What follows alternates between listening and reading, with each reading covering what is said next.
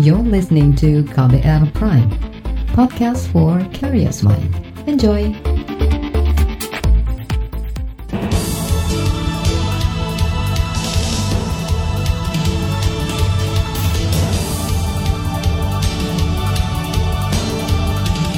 Selamat pagi saudara, kembali kami menyapa Anda dengan sejumlah informasi di Buletin Pagi. Saya Eka Juli. Dan saya Ardi Rusyadi kami telah menyiapkan sejumlah informasi terkini di antaranya Sambut New Normal, sektor pariwisata terapkan protokol kesehatan ketat.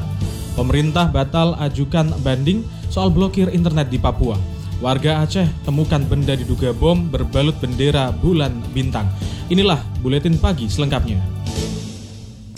Terbaru di Buletin Pagi. Saudara, mulai akhir pekan lalu, pemerintah Jakarta membuka empat lokasi wisata di masa pembatasan sosial berskala besar atau PSBB transisi.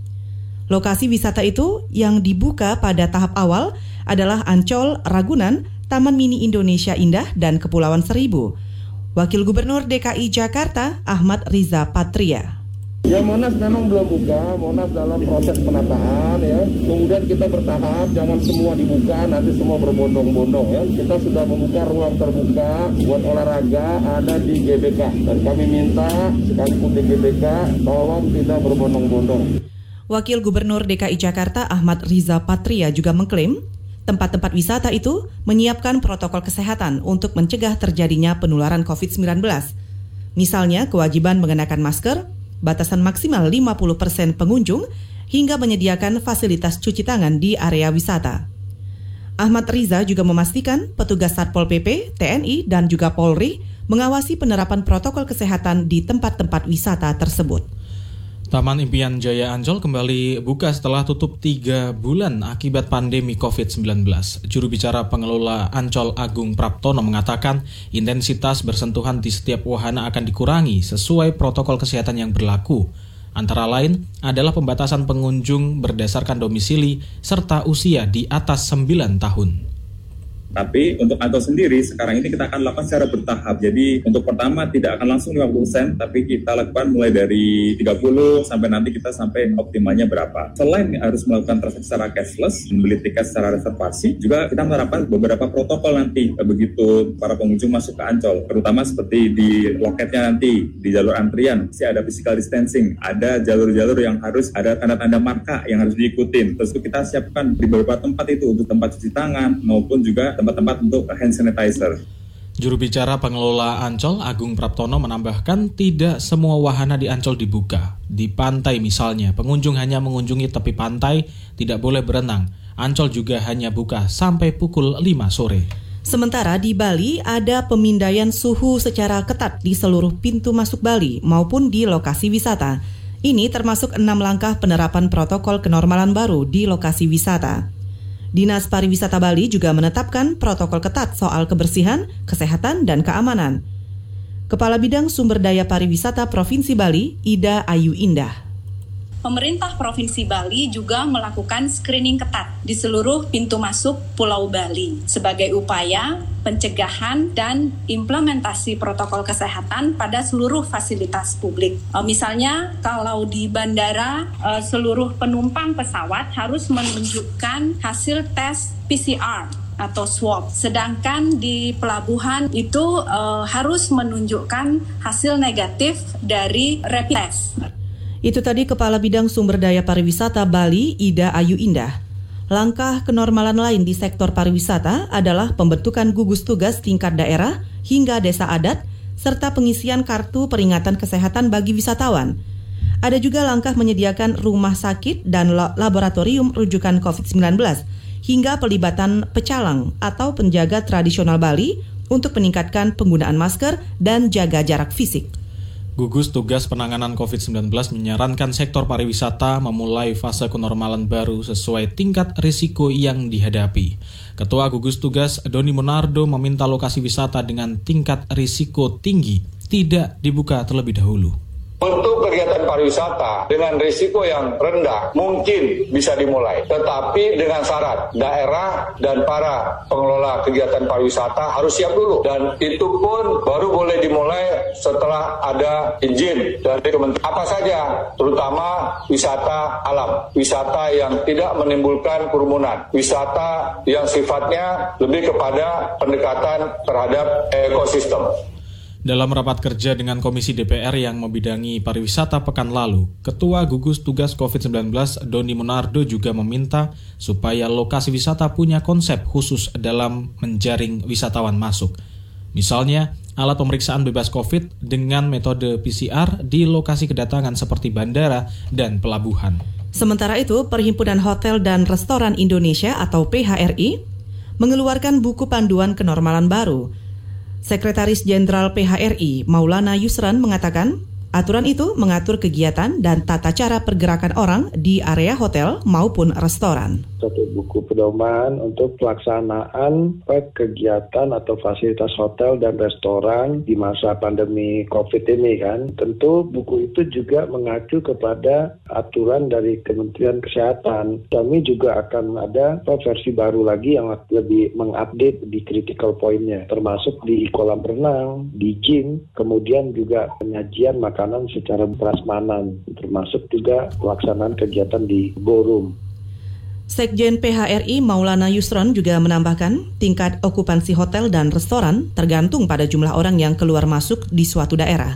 Kegiatan hotel dan restoran mulai bergeliat dengan tetap memperlakukan protokol kesehatan dan jaga jarak fisik. Serikat Pekerja Nasional desak pemerintah ratifikasi konvensi penghapusan kekerasan dan pelecehan di dunia kerja. Informasinya usai jeda, tetaplah di Buletin Pagi KBR. You're listening to KBR Pride, podcast for curious mind. Enjoy!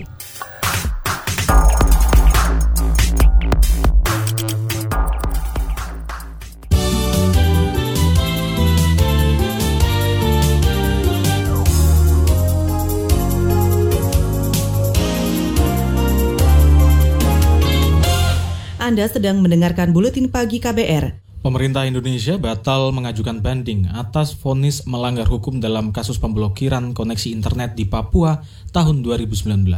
Menteri Komunikasi dan Informatika Menkominfo Joni G. Plate menyatakan pemerintah menghormati keputusan Pengadilan Tata Usaha Negara atau PTUN yang memutus Presiden RI dan Menkominfo melanggar hukum dalam kasus pemutusan koneksi internet itu. Istana mengaku mencabut banding karena tengah fokus menangani pandemi COVID-19.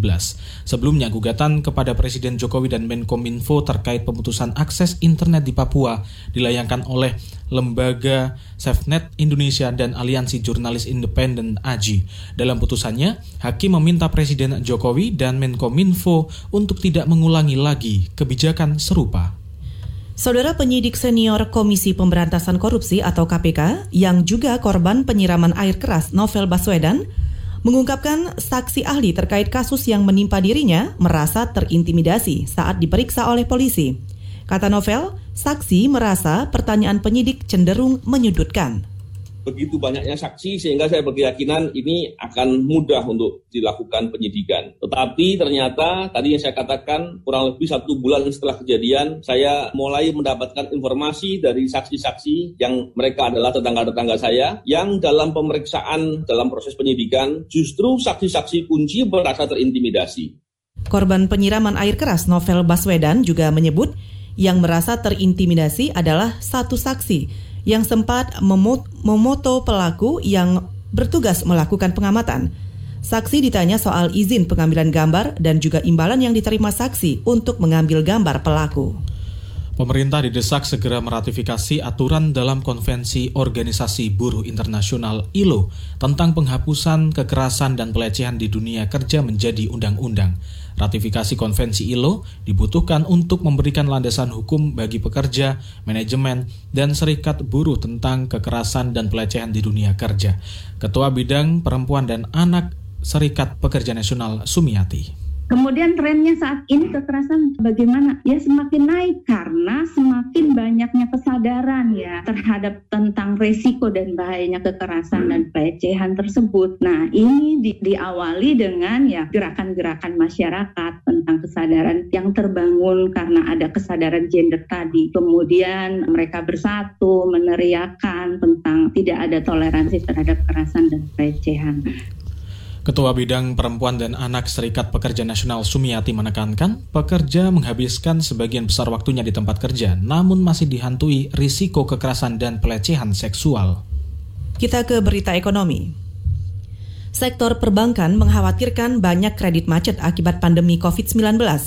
Ekonom senior dari lembaga Indef, Afiliani mengatakan, anjloknya pendapatan pekerja di sektor formal akibat pembatasan sosial berskala besar atau PSBB ikut membuat permintaan di sektor perbankan menurun nanti pada akhirnya di April tahun depan harus dikaji lagi apakah memang bank akan survive atau tidak, apakah policy OJK atau policy yang lain itu bisa dilonggarkan lagi gitu. Jadi memang masih masa berat. Mungkin kita akan lihat September ya. September ini akan kita lihat akan mulai membaik nggak? Kalau perusahaan juga akan punya problem, maka yang terjadi adalah justru akan terjadi kredit macet.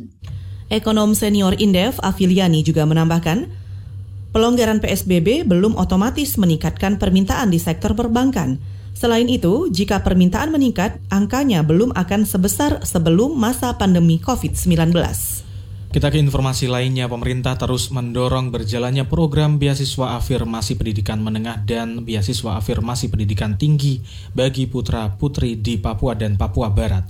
Menurut Deputi Kantor Staf Presiden Jaleswari Pramor Dawardani, menyatakan pengenjotan kualitas sumber daya manusia di Papua dan Papua Barat diperlukan sebagai bagian dari percepatan pendidikan pendidikan dan kesehatan itu adalah dua hal yang sangat penting terkait dengan uh, pembangunan sumber daya manusia. Kalau kita bicara soal pendidikan, program Adik dan Adem yang setiap tahunnya mengirimkan sekitar 600-an, 500, 600-an putra-putri terbaik di Papua itu memang upaya satu hal gitu ya. Karena pada dasarnya pendidikan tanah Papua dan Papua Barat juga penting.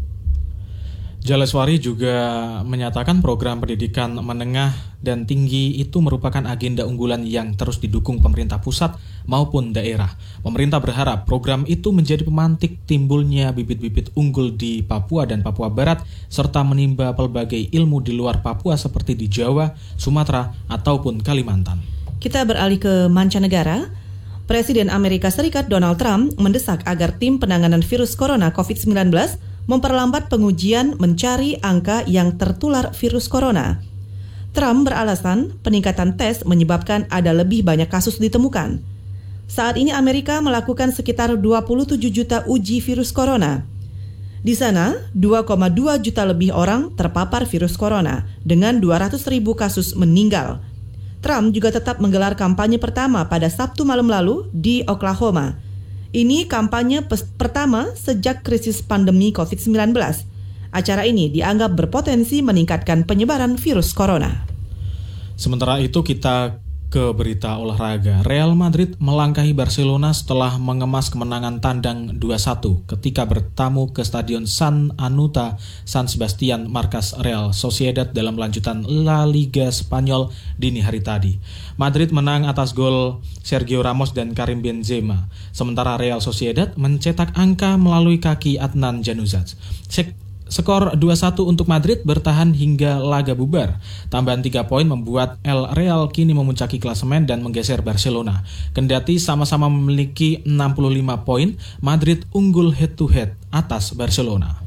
Laporan khas KBR tentang terobosan daerah kelola bansos COVID-19 kami hadirkan sesaat lagi, tetaplah di Buletin Pagi. You're listening to KBR Pride, podcast for curious mind. Enjoy!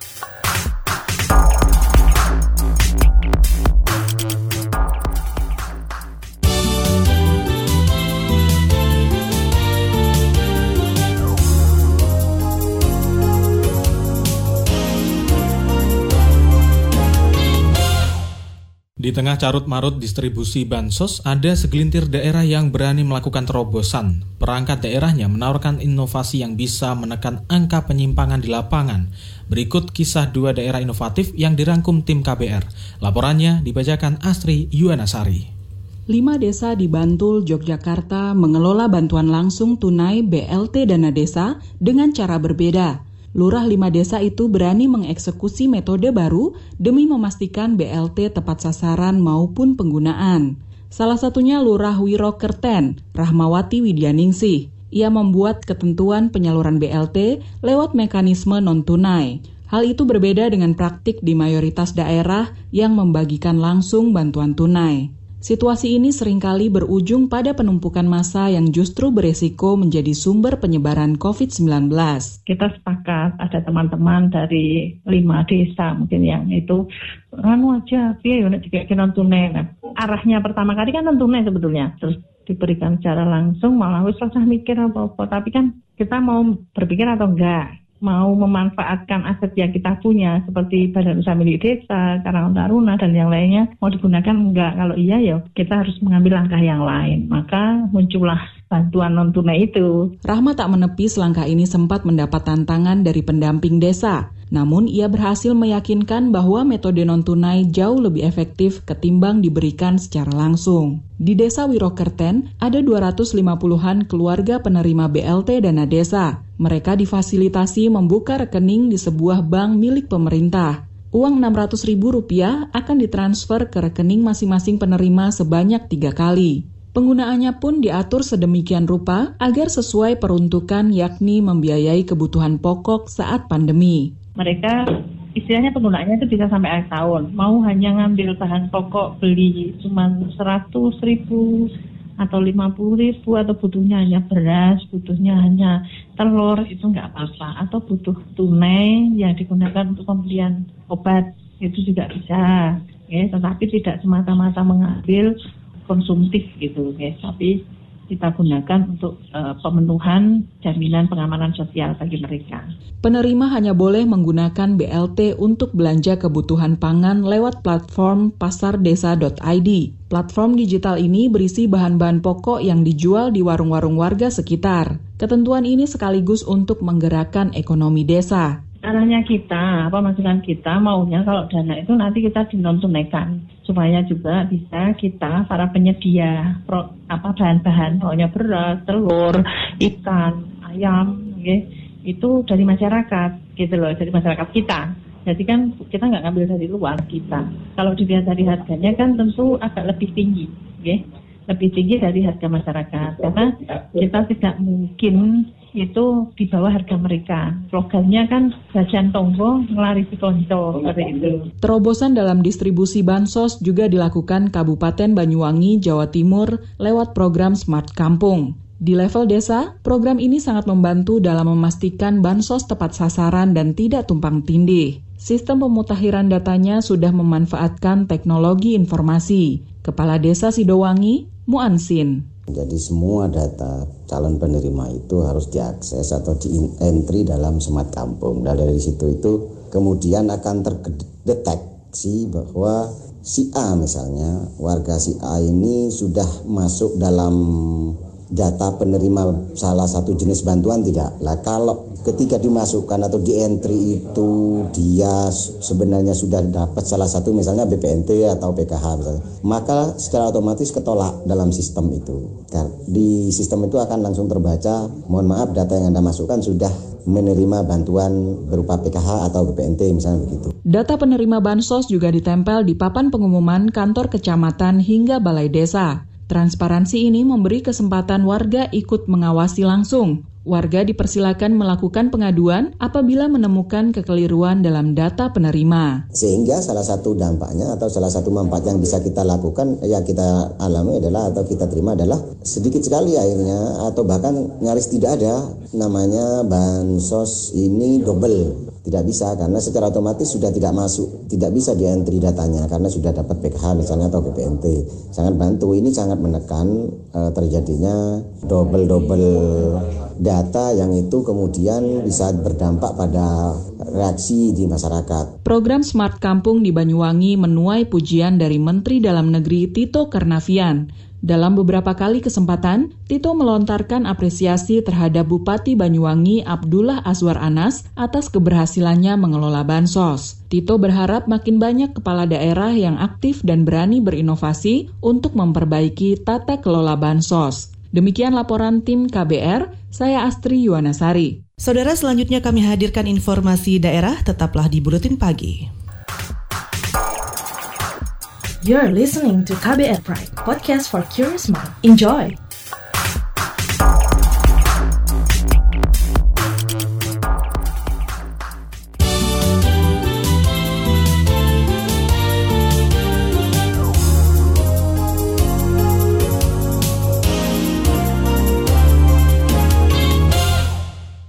Inilah bagian akhir buletin pagi KBR. Dini hari tadi, gempa mengguncang Yogyakarta dan sekitarnya. Badan Meteorologi, Klimatologi, dan Geofisika BMKG mengumumkan gempa bumi tersebut berkekuatan magnitudo 5.0.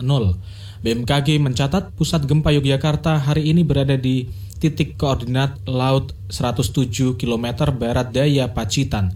Gempa tersebut tidak berpotensi tsunami. BMKG juga mengingatkan agar masyarakat di Yogyakarta mewaspadai potensi gempa susulan. Selain gempa, Gunung Merapi di Yogyakarta mengalami erupsi kemarin sekitar pukul 9 pagi. Saat ini, Gunung Merapi berada pada status level waspada. Masyarakat diimbau tak melakukan aktivitas pada area dalam radius 3 km dari puncak Gunung Merapi. Warga Banda Aceh digegerkan pertemuan benda diduga bom di Jalan Layang Simpang, Surabaya. Benda berbentuk botol air mineral itu terbalut bendera bulan bintang yang identik dengan gerakan Aceh Merdeka. Menurut Kapolresta Banda Aceh Trisno Rianto, polisi masih menyelidiki siapa dalang di balik layar yang menebar ketakutan warga itu. Mengangkat bendera, rupanya ada pemberatnya. Setelah dilihat pemberatnya itu kan botol aqua yang dibungkus pakai lakban dan di situ ada terlihat kabel-kabel, nah sehingga dilepaskan lagi, dilepas lagi dan komunikasikan dengan Brimob. Karena itu mungkin dugaan kita itu ada pembunuhan berat. Kapolresta Banda Aceh Trisno Rianto juga menyebut benda diduga bom itu telah diledakkan petugas di lokasi penemuan. Sementara itu, Gedung Olahraga Gor Merdeka Jombang, Jawa Timur bakal digunakan sebagai rumah isolasi baru bagi pasien yang terpapar COVID-19 di sana. Dengan tambahan lokasi ini, maka lokasi karantina pasien COVID-19 selain rumah sakit di Kabupaten Jombang menjadi tiga unit, Gor Merdeka mampu menampung lebih kurang 90 pasien. Demikian disampaikan Koordinator Bidang Penanganan Pasien Gugus Tugas Percepatan Penanganan COVID-19 Kabupaten Jombang, Puji Umbaran gugus tugas penanggulangan COVID-19 di Kabupaten Jombang harus cepat untuk menyediakan fasilitas kesehatan yang bisa menampung terkait dengan pasien-pasien baik itu yang konfirm maupun yang rapidnya reaktif. Lokasi yang sudah kita siapkan di stikes maupun indoor saat ini kapasitasnya sudah mulai penuh. Tentu dengan masa pandemi yang masih berjalan ini penambahan dimungkinkan muncul. Koordinator Penanganan Pasien Gugus Tugas Percepatan Penanganan COVID-19 Jombang Puji Umbaran menambahkan GOR Merdeka itu rencananya digunakan untuk mengisolasi pasien yang diduga terpapar virus corona dengan hasil rapid test reaktif. Sedangkan gedung stikes dan tenis indoor difungsikan sebagai lokasi isolasi pasien terkonfirmasi positif. Informasi tadi mengakhiri jumpa kita di Buletin Pagi KBR hari ini. Pantau juga informasi terbaru melalui kabar baru website kbr.id, Twitter kami at berita KBR, dan podcast di kbrprime.id. Saya Eka Juli. Dan saya Ardi Rosyadi. Kami undur diri. Salam. Salam.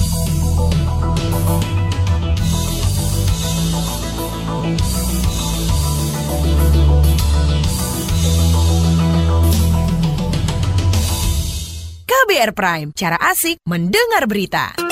KBR Prime, podcast for curious mind.